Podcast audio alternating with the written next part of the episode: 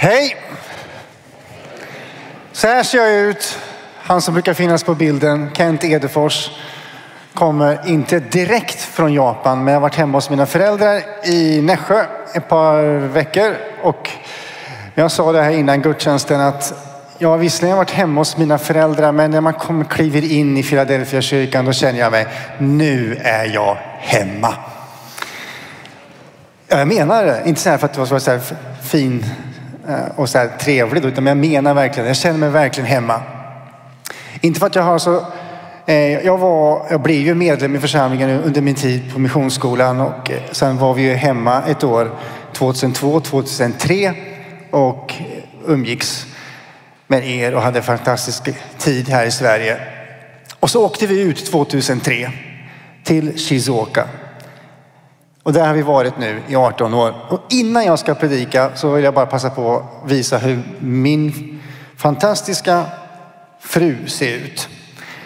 Eh, hon är ju för fin för att vara på bild men hon lyckades hamna på en bild här innan. Eh, så här ser hon ut, oförändrad. Det är bara jag som har förändrats med åren. Eh, så är det. Det som fanns här finns nu här. Okej. Okay. Kauri hälsar så jättemycket till er. Eh, jag kan bara förklara att Kauri, ordet i sig betyder väldoft. Fint namn va? Hon är verkligen Kristus väldoft till mig också. Okej, okay, barnen växer också. Eh, och så här ser de ut nu, tog förra året. Eh, de växer. Alltså, Emelie är 18 år och 18 år har varit i Shizuoka. Hon var ju nyfödd när vi åkte ut 2003. Eh, och Eh, hon håller på och ska göra sitt stora uppsatsprov ja, den här veckan inför universitetsstudier nästa år i Tokyo. Förhoppningsvis så ska den uppsatsen gå bra. Eh, Jonathan Eh, han befinner sig på Hawaii sedan några månader tillbaka. Han gick lärjungaskolan för två år sedan och sen jobbade han i en cykelaffär i Shizuoka under ett år, skrapade ihop pengar och nu är han på Hawaii igen och fortsätter sin utbildning på deras skola på Hawaii.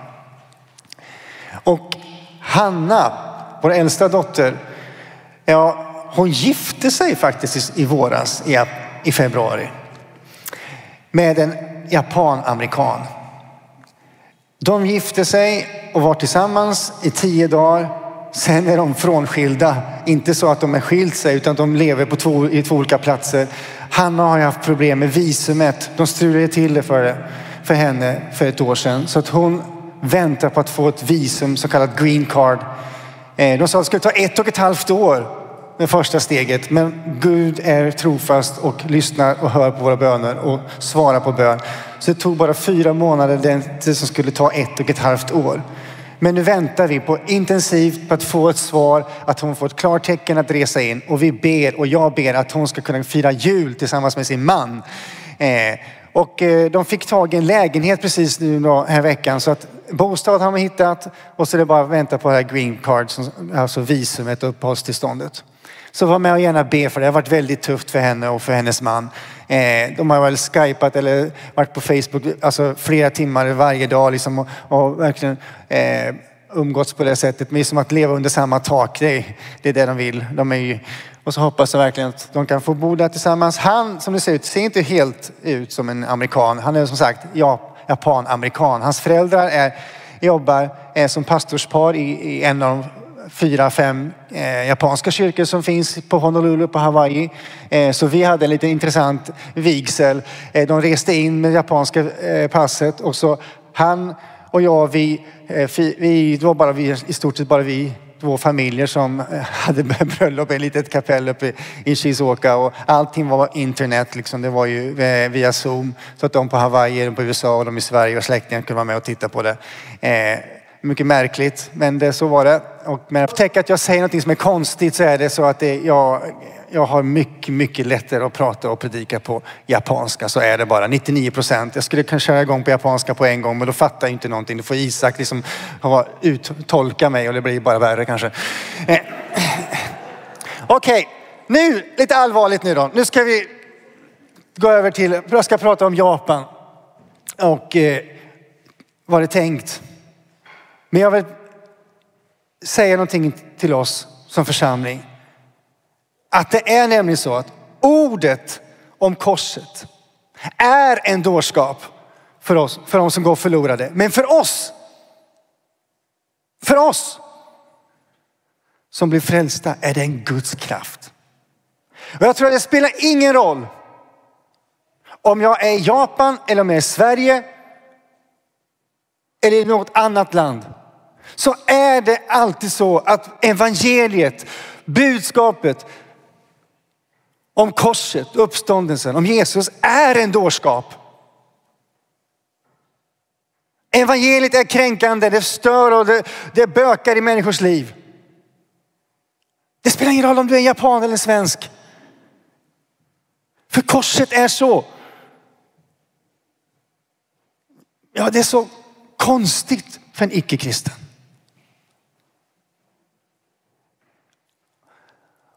En bild man ser på Japan, det är 125 miljoner människor. De blir bara färre och färre med åren för pyramiden upp och nervänd.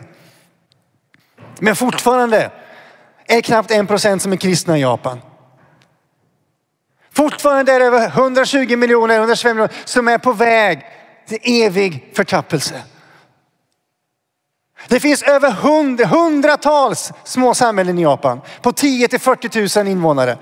Det inte finns en enda kyrka. Det inte finns en enda kristen. För de är fortfarande, de är fortfarande behov av att få höra om Jesus. Det finns samhällen i vår värld som aldrig hört om Jesus. Men så finns det som har hört om Jesus men tycker det är en dårskap. Jag har förberett en predikan och jag försöker hålla mig till det. Men ni som känner mig vet att det här kan ju gå vart, det kan leda vart som helst. Men jag ska försöka hålla mig till det som Gud har lagt på mitt hjärta. Och det är faktiskt en text som har varit på mitt hjärta i flera år. Den tog tag i mig för tre år sedan när jag var inbjuden till en konferens i Korea. Jag var ingen talare men jag var inbjuden att delta i en konferens i den församlingen där. Satt med det och så lyssnade jag till en predikan och den tog tag i mig. Och det var en bibeltext som liksom förändrade mig på ett sätt. Eh, man läste den texten i samband med påsk, men liksom att den landade så. En fråga som etsades fast i mig. Ni vet i Bibeln så finns det massa frågor som ställs till Jesus. Men vems mandat har du? Varför säger du så? Vem är du? Vem, på vem, vems auktoritet har du till att säga det du säger? Men det är ju sabbat. Så kan du inte göra. Men det är inte de här frågorna som ställs till Jesus.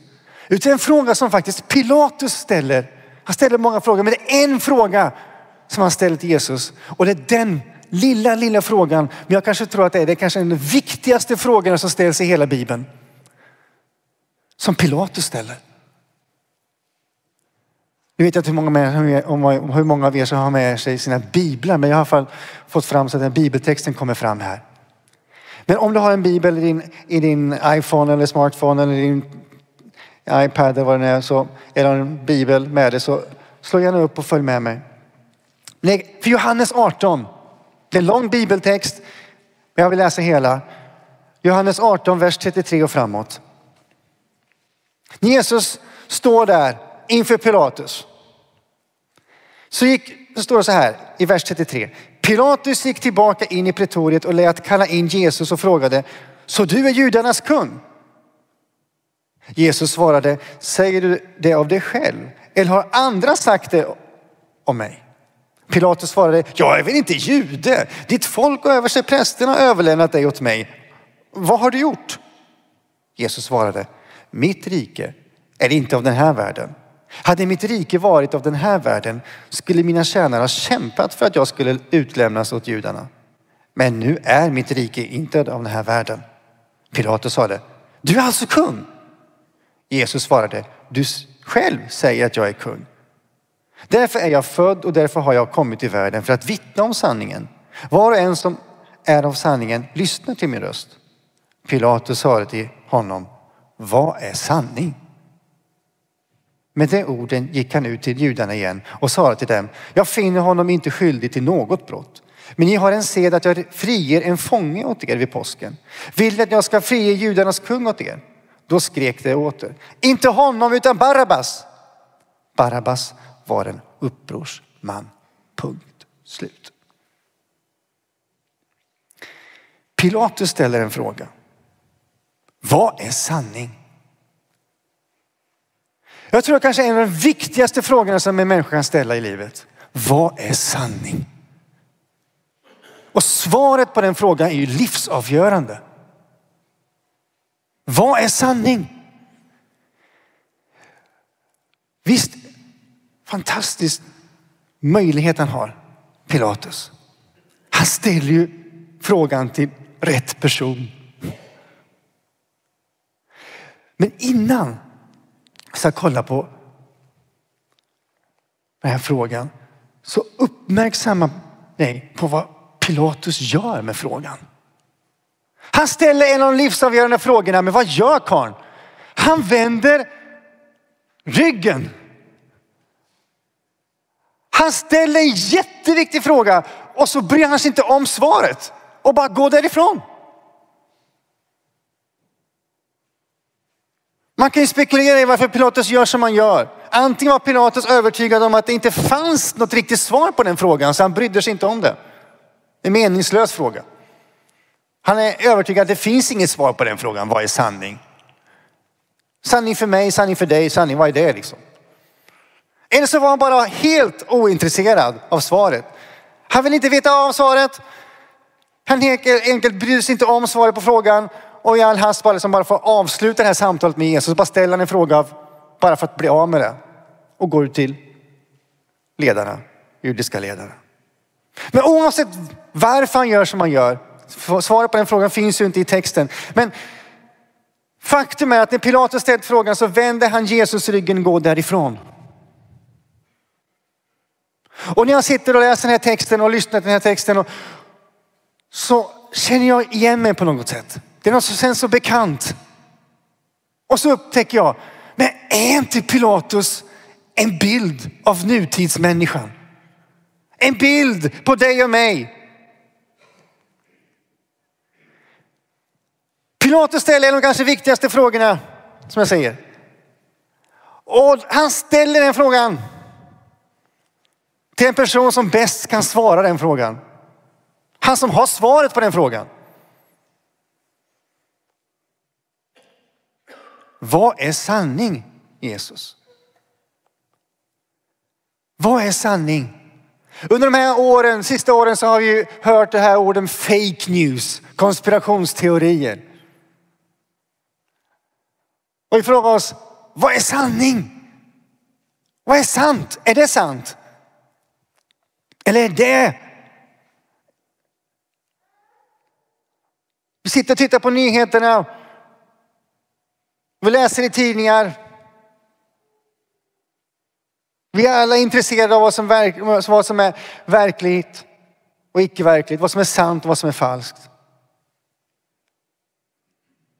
Vi är alla intresserade av vad som har verkligen försiggått eller försiggått bakom maktens korridorer. Vad hände egentligen? Vi vill veta hur olyckan, vad som gjorde att det blev som det blev. Vad var det som egentligen hände? Vad är sanning i det som sägs och skrivs? Vad är sanning egentligen det som förmedlas i media? Vad är sanning? Och då frågar mig varför detta intresse för sanningen? Jag menar, det som om en idol liksom, hans eller hennes privatliv, det har ju ingenting med mitt privatliv att göra. Det är inget avgörande fråga. Hur mycket, vad som har hänt liksom med mina idoler, mina, liksom, mitt privatliv påverkas ju inte av det. Om en chef på ett stort företag har förskingrat pengar, det påverkar inte mitt äktenskap. Det påverkar inte mitt liv. Men ändå så vill vi veta. Människor är som, det finns någonting i människan som, som söker efter sanning. Vi vill ha svar på frågor. Men vi läser Johannes så introduceras Jesus som han. Mannen som är full av nåd och sanning.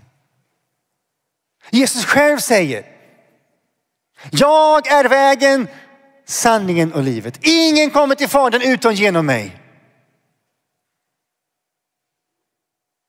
Sanning. Vad är sanning? Och så står Jesus där, han är beredd på att svara frågan, men Pilatus han bryr sig inte om det. Och bara vänder Jesus ryggen. Okay, okay. Du grabbar, han, du, den här mannen han är helt syndfri. Det finns ingen anledning att sätta honom. Eh, han har inte gjort någonting brott. Och nu står Jesus kvar. Men är det inte så många människor gör idag? Vi vill veta sanningen, vi vill veta svaret på frågorna. Men vill vi verkligen veta svaret? Vill vi människor verkligen veta svaret på frågorna idag? Jag minns själv att i gymnasietiden, man var ute med Tim Uppdrag, så sjöng man ju där. Jesus han är svaret på, på, på vår värld idag. Han har all makt. Ja? Han har makt att göra under än idag. Jesus han är svaret. Han är sanningen.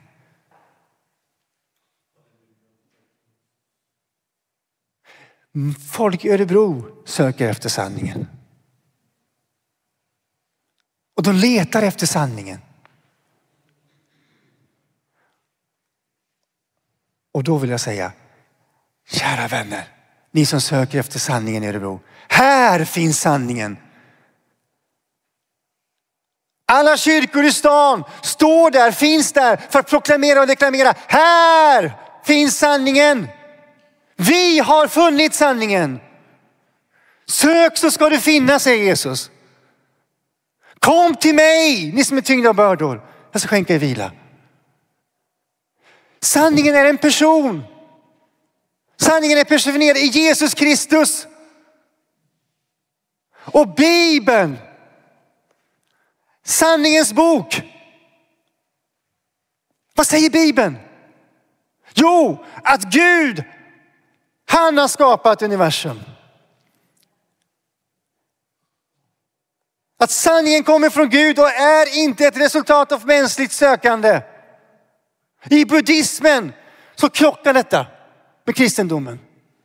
Buddhismen på enkelt sätt ett evigt sökande efter sanning, efter upplysning, att hela tiden söka sig fram. Men så står vi där med evangeliet. Vi har funnit svaret. Jesus är sanningen. Jesus, du behöver inte söka mer. Och det finns bara en Gud. Inte som i shintoismen med åtta miljoner gudar eller gudomar och själar. Ett evigt sökande, vilken är rätt, vilken är bäst? Men vi har funnit sanningen och sanningen har funnit oss. Sanningens ande ska vägleda oss in i hela sanningen. Men människor söker efter sanning och vi har funnit sanningen. Men vad gör vi av med den? Det är där vår utmaning finns. Men vad är sanningen enligt Bibeln då? Jo, Gud har skapat himmel och jord och Gud är universums skapare. Människan är skapad till Guds avbild, till man och kvinna. I Jesus Kristus skapades allt i himmelen och på jorden, synligt och osynligt, troner och herravälden, härskare och makter. Allt är skapat genom Jesus och till och för Jesus. Det är sanning. Att alla människor har gått miste om Guds härlighet och är syndare, men genom Guds nåd så blir vi frälsta för evigt liv. Och du som tror på Gud och tar emot Jesus i sitt liv blir ett Guds barn. Att Gud blev människa, tog sin boning ibland oss och det är Jesus Kristus. Jesus blev ett med synden för att befria oss från syndens välde. Och ropar ut. Död, var är din seger? Det är sanning.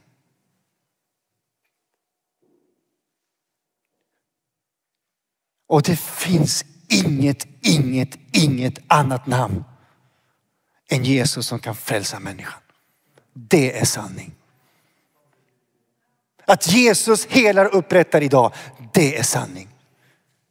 Att Jesus kan aldrig, Gud kan aldrig ljuga. Det är sanning. Men lögnens herre, Satan han är, när han ljuger, då talar han sanning.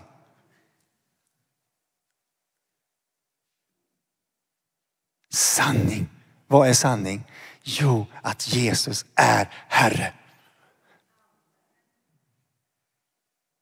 Jag minns själv, jag gick på gymnasiet och så hade man så här, var så här man var lite, fattade inte man, man, att man vågade, men sen var man lite så dumdissig. Men så det första jag gjorde, jag, gick, så skulle, jag bodde i Nässjö så skulle jag gå tredje och fjärde året på Tekniska gymnasiet i Jönköping. Och då gick man med sin jeansjacka och det stod Jesus är Herre liksom. Här kommer jag liksom. Alltså, jag kom på mig själv. Att det här har blivit liksom ett, ett ord som bara kommer på läpparna.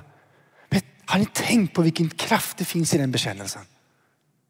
Vad vi säger egentligen. Jesus är Herre.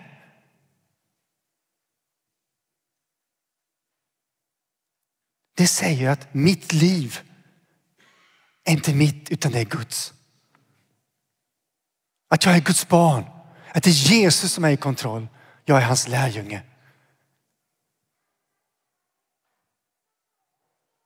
Vad är sanning? Den frågan ställs ännu idag. Och jag tror att Johannes har valt att ställa och skriva kvar det i sitt evangelium. Därför att vi själva ska upptäcka att svaret på den frågan står mitt framför Pilatus. Jesus är sanningen. Och när vi börjar proklamera och deklarera att Jesus är sanning, då händer det saker och ting. Varför? Jo, därför att sanningen är oföränderlig. Sanning är evig. Och vår utmaning som församling och utmaning som kristna idag, det är att för oss är att, att det är inte att sanningen ska anpassa sig till världen, utan det är världen som ska anpassa sig till sanningen.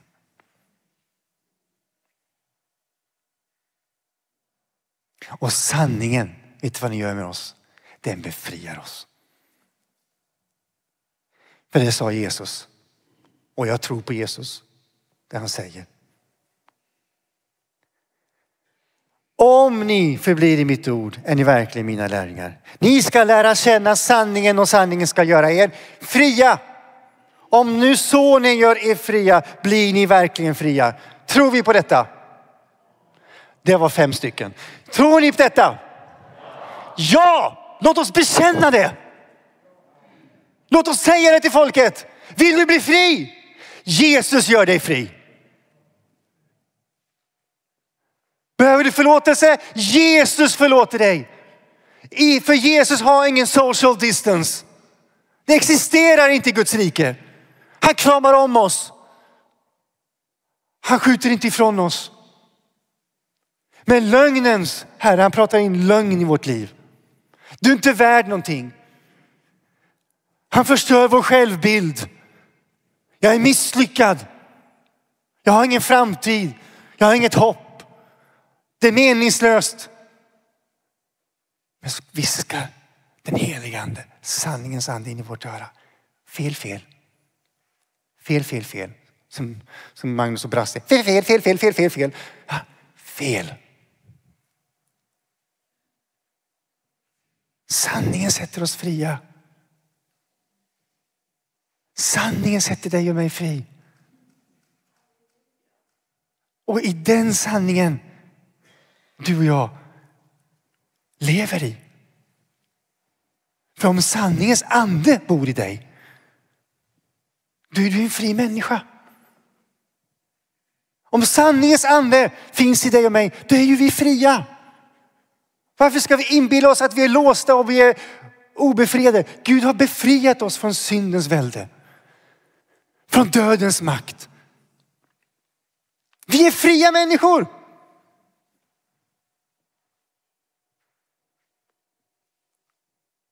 Men jag ställer frågan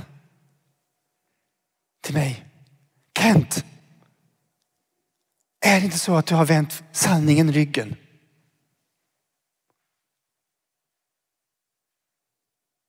Och där stod jag. Jag har lurat in mig själv i någon falskhet. En tid där jag kände att jag inte är värd någonting. Jag är misslyckad missionär, jag är misslyckad, allting bara det, det krasar. Gud. Men så lyser sanningens ljus på mig. Och då ställs man inför det här valet. Att vända sig mot sanningens ljus eller vända ryggen mot sanningens ljus.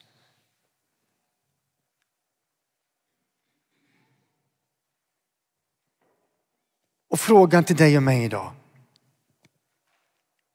Det är vad gör vi av med sanningen?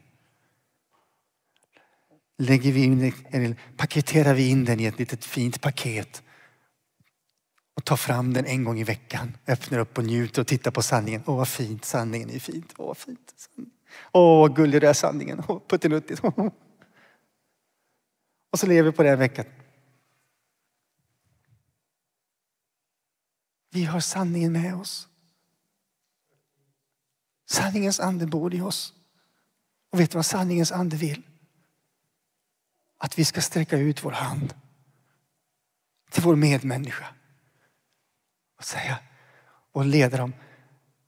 Här, kom med mig. Jag ska föra dig till sanningen.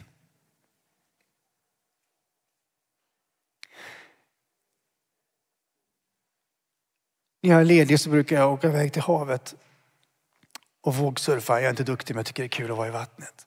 Där sitter mina surfkompisar. Ibland händer det att vi pratar om Jesus. Men så ibland finns det en kompis som finns i ett samtal som är så otroligt mättad av stämningen. Man kunde bara säga ja till Jesus. Men så kommer de till en viss gräns där de måste ta ställning till sanningen. Men dra sig tillbaka. Det är så ont. Men jag har sagt till Jesus, jag ska så vidare för någon gång kommer det bära frukt. Någon gång kommer det bära frukt. Det finns människor som dör utan Jesus. Det finns människor som söker sanningen. Men det är ingen som kommer med svaret till dem. Det smärtar mig. Det gör ont i mig.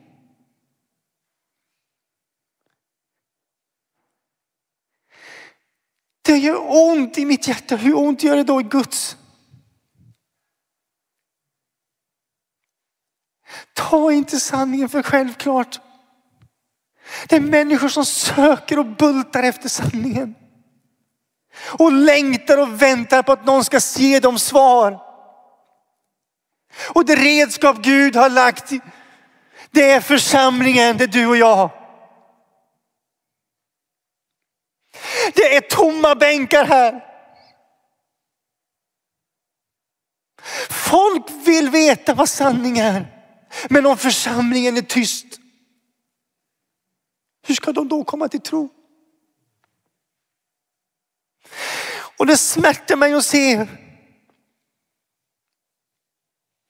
hur mina kompisar har en chans att säga ja till Jesus men de säger nej. Det är ont i mig. Men Gud har ställt den här församlingen här för att det här är sanningens spelare. Kom till mig säger Jesus och därför har vi alfakurs. Därför har vi det som vi gör, omsorgsarbete bland annat. allt det som sker just nu. Därför att vi har haft, vi har funnit svaret på frågan. Och idag så bjuder Jesus in dig in i sanningens ljus. Du som brottas med din självbild. Jag satt i morse och bad och så var det någon som brottas med sin självbild. Självbild som har totalt krossats i smulor. Men Gud vill plocka ihop dem och forma om dig på nytt. Du som har tappat tro på framtiden. Jesus säger, jag är din framtid.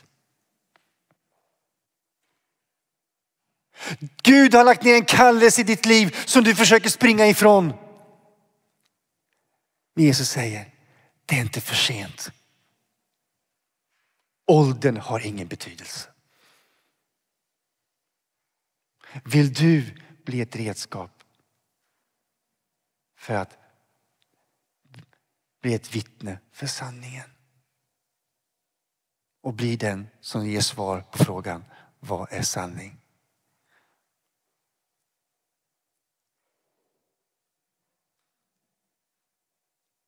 Du hör vad Jesus säger till dig just nu. Kanske predikat längre än vad ni brukar predika här men jag kommer ju bara var fjärde år så det är väl okej okay, kanske. Men jag tror att Jesus vill lägga ner ett hjärta. Eller inte lägga ner, finns där, men väcka det hjärtat för evangelisation, mission. För det finns nedlagt i den här församlingen sen församlingen startade. Det blir ett vittne för sanningen. Och Jesus säger till några, ta upp den fanan. Ta upp den manteln. Vi ska gå in i en bönestund nu. Det finns böneplats där nere vid korset, du som vill ha förbön. Du som vill tända ett ljus, du får tända ljus här och tända ljus här. Och du som vill be för, komma fram och be för oss missionärer och vi internationella arbetare kan komma fram här och, och be. Eller du kan komma direkt till mig eller till Isak eller om du har, det är också okej. Okay. Men Jesus bjuder in dig nu. Låt oss lyssna på sanningens röst och inte på lögnens.